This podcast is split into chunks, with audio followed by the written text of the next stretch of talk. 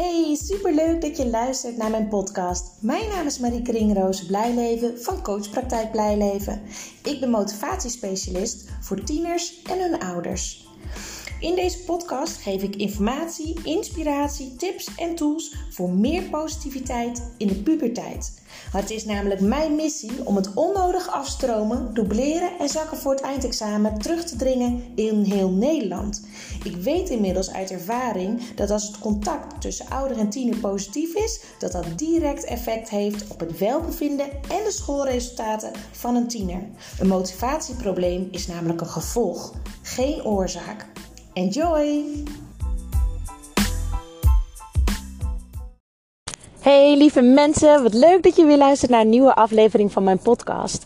Op dit moment zit ik in de auto. Ik rij in, uh, in Amsterdam op weg naar uh, een, uh, ja, een afhaalpunt, zeg maar, waar al het drukwerk ligt. De werkboeken van het, voor het online programma Positiviteit in de Puberteit. Want we starten aanstaande maandag met de derde groep van het online programma. Uh, derde groep ouders.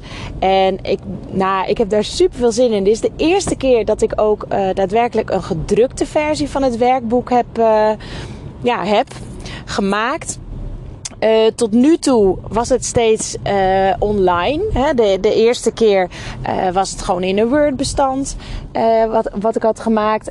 bij, de, bij de tweede groep had ik, heb ik in Canva helemaal het werkboek gemaakt. Een veel mooiere layout. En heb ik hem ook nog online invulbaar gemaakt. Ik dacht, nou, dat is handig. Hè. Dan kun je alles online invullen.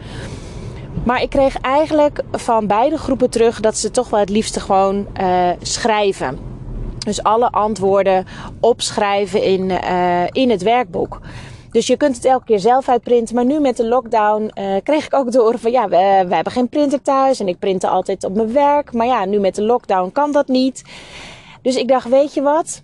Ik ga deze ronde, deze groep 3, ga ik een gedrukt werkboek geven. En ik ga kijken of dat het beste bevalt. En als dat zo is, dan wordt het vanaf nu gewoon standaard dat het werkboek uh, gedrukt geleverd wordt bij het online programma. Dus ik ga nu mijn eerste uh, gedrukte werkboeken ophalen in Amsterdam. En nou zou je misschien denken, hoezo helemaal in Amsterdam? Kan dat niet dichterbij? Ja, vast wel. Maar ik ben dan ook wel weer een koopjesjager. Dus ik kijk, wat kan het goedkoopst? En als je het afhaalt, is het uh, nog goedkoper dan als je het door de post laat bezorgen. En met de post duurt het langer. Dus om een lang verhaal kort te maken, om die reden rijd ik nu in Amsterdam. En uh, nou, we hebben op dit moment zijn er vijf uh, mensen definitief aangemeld om deel te nemen aan het uh, online programma. Het zijn uh, tot nu toe allemaal ouders die een geheel traject bij mij lopen. Uh, dus met, met hun tiener in de begeleiding. En uh, ze krijgen daarbij automatisch het online programma. Omdat ik merk dat het echt een must is dat ouders deze, uh, ja, deze, dit programma zeg maar volgen. Het is altijd namelijk een wisselwerking tussen ouder en tiener als er onrust thuis is. Het is nooit een schuld van iemand. Het is nooit de schuld van vader, de schuld van moeder, de schuld van een scheiding, de schuld van een puber. Nooit. Het is altijd een wisselwerking. Hoe de een omgaat met de situatie heeft weer invloed op de ander. Als een, een, puber heel veel boos is, dan is er een kans dat er, hij getriggerd wordt door een bepaalde manier van communiceren of handelen of wat dan ook binnen het gezin, waardoor hij zo snel boos wordt. En Tuurlijk is het dan zo dat je tiener moet leren omgaan uh, om, om, om emotieregulatie, oftewel omgaan met boosheid en eerder ventileren, communiceren en dergelijke.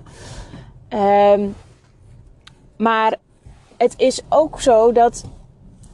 Um, even kijken, wacht even. Ik moest heel eventjes de podcast stoppen, want er was een, uh, een scooter uh, was aangereden hier door een, door een taxibusje. Een taxibusje met allemaal oude mensen erin. Dus ik kon, niet, ik kon er niet langs. Dus ik moest heel even de podcast stoppen om, om te kijken hoe, hoe ik eromheen kon. Um, even kijken. Nou ja, een podcast opnemen terwijl je in Amsterdam rijdt is, uh, is duidelijk niet ideaal, merk ik nu. Maar ik zit, weer, uh, ik zit weer op de goede weg. Ik ben eromheen gereden, even een stukje busbaan en, uh, en weer de weg op.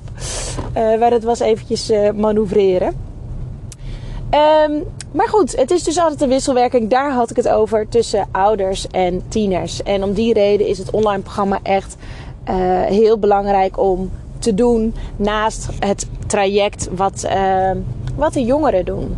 En wat ik uh, terug heb gekregen van de andere ouders die dan ook echt die het online programma ook hebben gevolgd, is dat ze zeggen: wow, wat waardevol en wat een inzichten heb ik gekregen door de filmpjes die, die in je online programma zitten. En wat ook als heel erg waardevol wordt ervaren, is de, de live QA via, via Zoom Ehm, aan het einde van elke module. En de eerste twee groepen hebben dat elke week gehad. Dus heb ik elke week uh, op de maandagavond van half negen tot half tien uh, een online uh, sessie gehad, zeg maar, met alle ouders tegelijk die deelnamen aan, de, aan het programma. En ik heb de eerste groep kreeg ik terug van ja, het is toch wel heel snel. Hè, want op donderdag kregen ze dan de nieuwe les. En dan hadden ze op maandag direct alweer de live QA. En zeiden ja, we werken ook gewoon nog. En uh, het is een beetje veel. En toen heb ik besloten bij de tweede groep om de nieuwe les op uh, zondag of maandag uh, te versturen. En de week daarna op de maandagavond de QA te doen. En ook dat vonden ouders nog wel veel. Dus ze hebben aangegeven, nou als ik jou was, zou ik gewoon om de week een live Q&A doen. Zodat je twee filmpjes per week krijgt. En dus vier filmpjes dat je daar twee weken over kan doen. Dan hebben we iets meer speling en ruimte. En dan kunnen we ook echt de opdracht in het werkboek doen. Dus deze groep krijgt één keer in de twee weken een live QA. Um, ik wil eigenlijk kijken of het ook overdag kan. Dus in de ochtend in plaats van in de avond. Uh, maar dat moet ik nog even kijken met, uh, met de deelnemers of dat, of dat lukt. Of iedereen dan ook kan. Want iedereen zit natuurlijk met de kinderen thuis. Maar goed, oké, om een uh, lang verhaal kort te maken. Alles waar ik uh, nu tegenaan ben gelopen, dat is dus nu getackeld. En de podcast wil ik het graag hebben over een opmerking die ik enkele weken geleden kreeg van de juf van, eh, van mijn jongste zoon. Want het gaat niet altijd even makkelijk, dat online uh, onderwijs uh, bij mijn jongste. Mijn oudste doet het allemaal zelf. Die zit op zijn kamer en, uh, en volgt het onderwijs en, en, regelt alles zelf. En dat, nou ja, voor zover ik geen feedback krijg, gaat het goed. Ik heb het idee dat hij zijn huiswerk niet echt doet. Maar goed, ik heb me daar ook bij neergelegd dat dat nu inmiddels um, ja, zo slecht te controleren is. Nu alles online is. Ook het huiswerk moeten ze allemaal online maken, online inleveren en dergelijke. Dus ja, dat, dat, dan moet je hem toch maar op zijn woord geloven. En de jongste, die moeten wij dus uh, zelf aan het werk zetten. Die heeft uh, een half uurtje meet per dag. En eigenlijk is elke keer gedoe dat hij weer aan zijn schoolwerk moet. Hij wil na elk werkje wil hij even pauze. Uh, wil hij gewoon even wat anders doen? Nou ja, dat hebben wij uh, toegestemd. Maar het is wel elke keer gedoe. Dus daar had ik even contact over um, nou ja, met, met zijn juf. En zijn juf zei tegen mij: Jeetje, Marieke, en dan ben jij nog wel, uh, dan is dit zelfs nog wel je werk. Ben jij zelfs nog coach? En ik moest heel eventjes nadenken en laten bezinken wat ze nou eigenlijk zei. En ik was eerst een soort van, um, nou ja, beledigd is niet het goede woord. Maar ik dacht wel, wat heeft dat ermee te maken wat ik voor werk doe? Dus ik zei ook van nou, ik doe eigenlijk heel ander werk dan dit. En daarnaast, ik ben niet zijn coach. Ik ben zijn moeder. En nu moet ik juf zijn van hem. En dat zorgt voor weerstand, wat logisch is. En daarnaast, hè, ik werk met pubers, ik doe motivatieproblematiek. Het is heel, heel ander level en niveau dan waar ik het nu over had. Maar toen dacht ik, ja, dit is wel interessant. Want dit zegt uiteindelijk iets over haar, denk ik. En dat heeft mijn man tegen mij moeten zeggen hoor, voordat ik dat ook kon zien. Um, maar toen dacht ik, ja, ik wil hier een podcast over opnemen. Want kennelijk bestaat het beeld, en daar zal zijn juf niet de enige in zijn, maar het beeld van omdat ik motivatiespecialist voor pubers en ouders ben, dat ik alles goed kan doen en goed kan handelen en geen gedoe heb thuis met de jongens of in mijn relatie of in mijn leven überhaupt of wat dan ook. dat is niet zo. Ik ben ook gewoon een mens. ik ben ook gewoon een moeder. En um, ja, ik weet in theorie weet ik heel erg veel en dat kan ik ook overdragen aan andere mensen. Maar als je bij jezelf nagaat, hè, als jij met een vriend of vriendin praat die een uh, worsteling heeft of een probleem heeft, dan kan jij als vriendin of vriend, kan jij als buitenstaander objectief kijken naar die situatie. En stel je ook vragen. En zeg je bijvoorbeeld: uh, Hoezo maak jij je daar druk om? Want joh, dat is helemaal geen bekende van je. Of uh, nou, weet ik veel wat voor dingen je dan zegt om te relativeren voor die vriend of vriendin. Jij bent niet een onderdeel van de situatie. Jij voelt geen emoties bij de situatie. Dat heeft je vriend of vriendin die je aan het helpen bent wel. En datzelfde is voor mij zo in mijn werk. Ik voel geen emoties, of geen uh, emoties in de zin van hè, zoals de ouders voelen of de tiener, omdat ik geen onderdeel ben van de situatie. En daarom kan ik vanuit een helikopterview kan ik de situatie bekijken en kan ik objectieve vragen stellen. En kan ik vragen stellen om de ander beter te willen begrijpen. En daardoor zet ik ook het brein aan van de ouders en van de tiener om op een andere manier ernaar te kijken. En dat is dus. Het is dus niet zo met het werk wat ik doe dat ik nooit in een valkuil trap.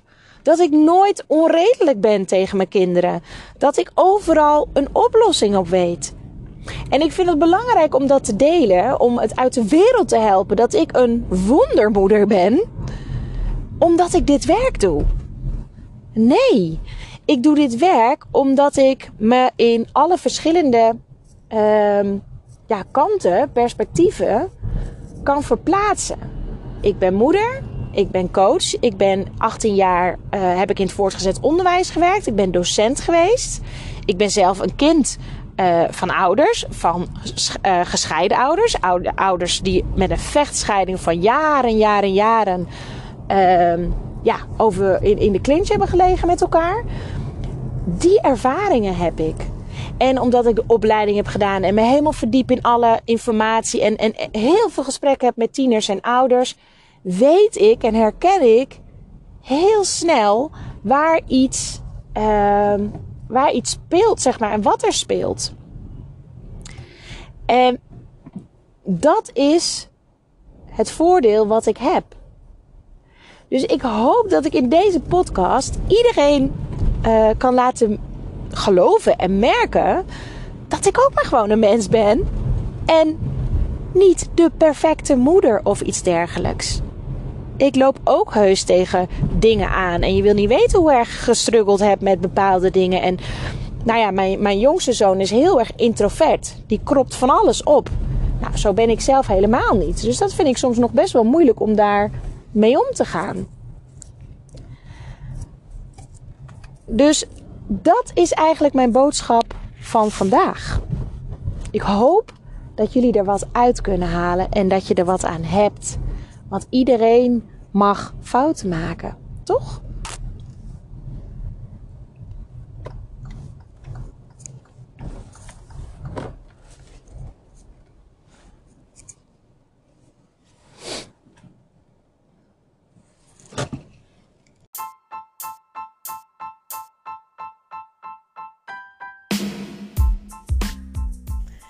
Dit was weer de aflevering van deze podcast.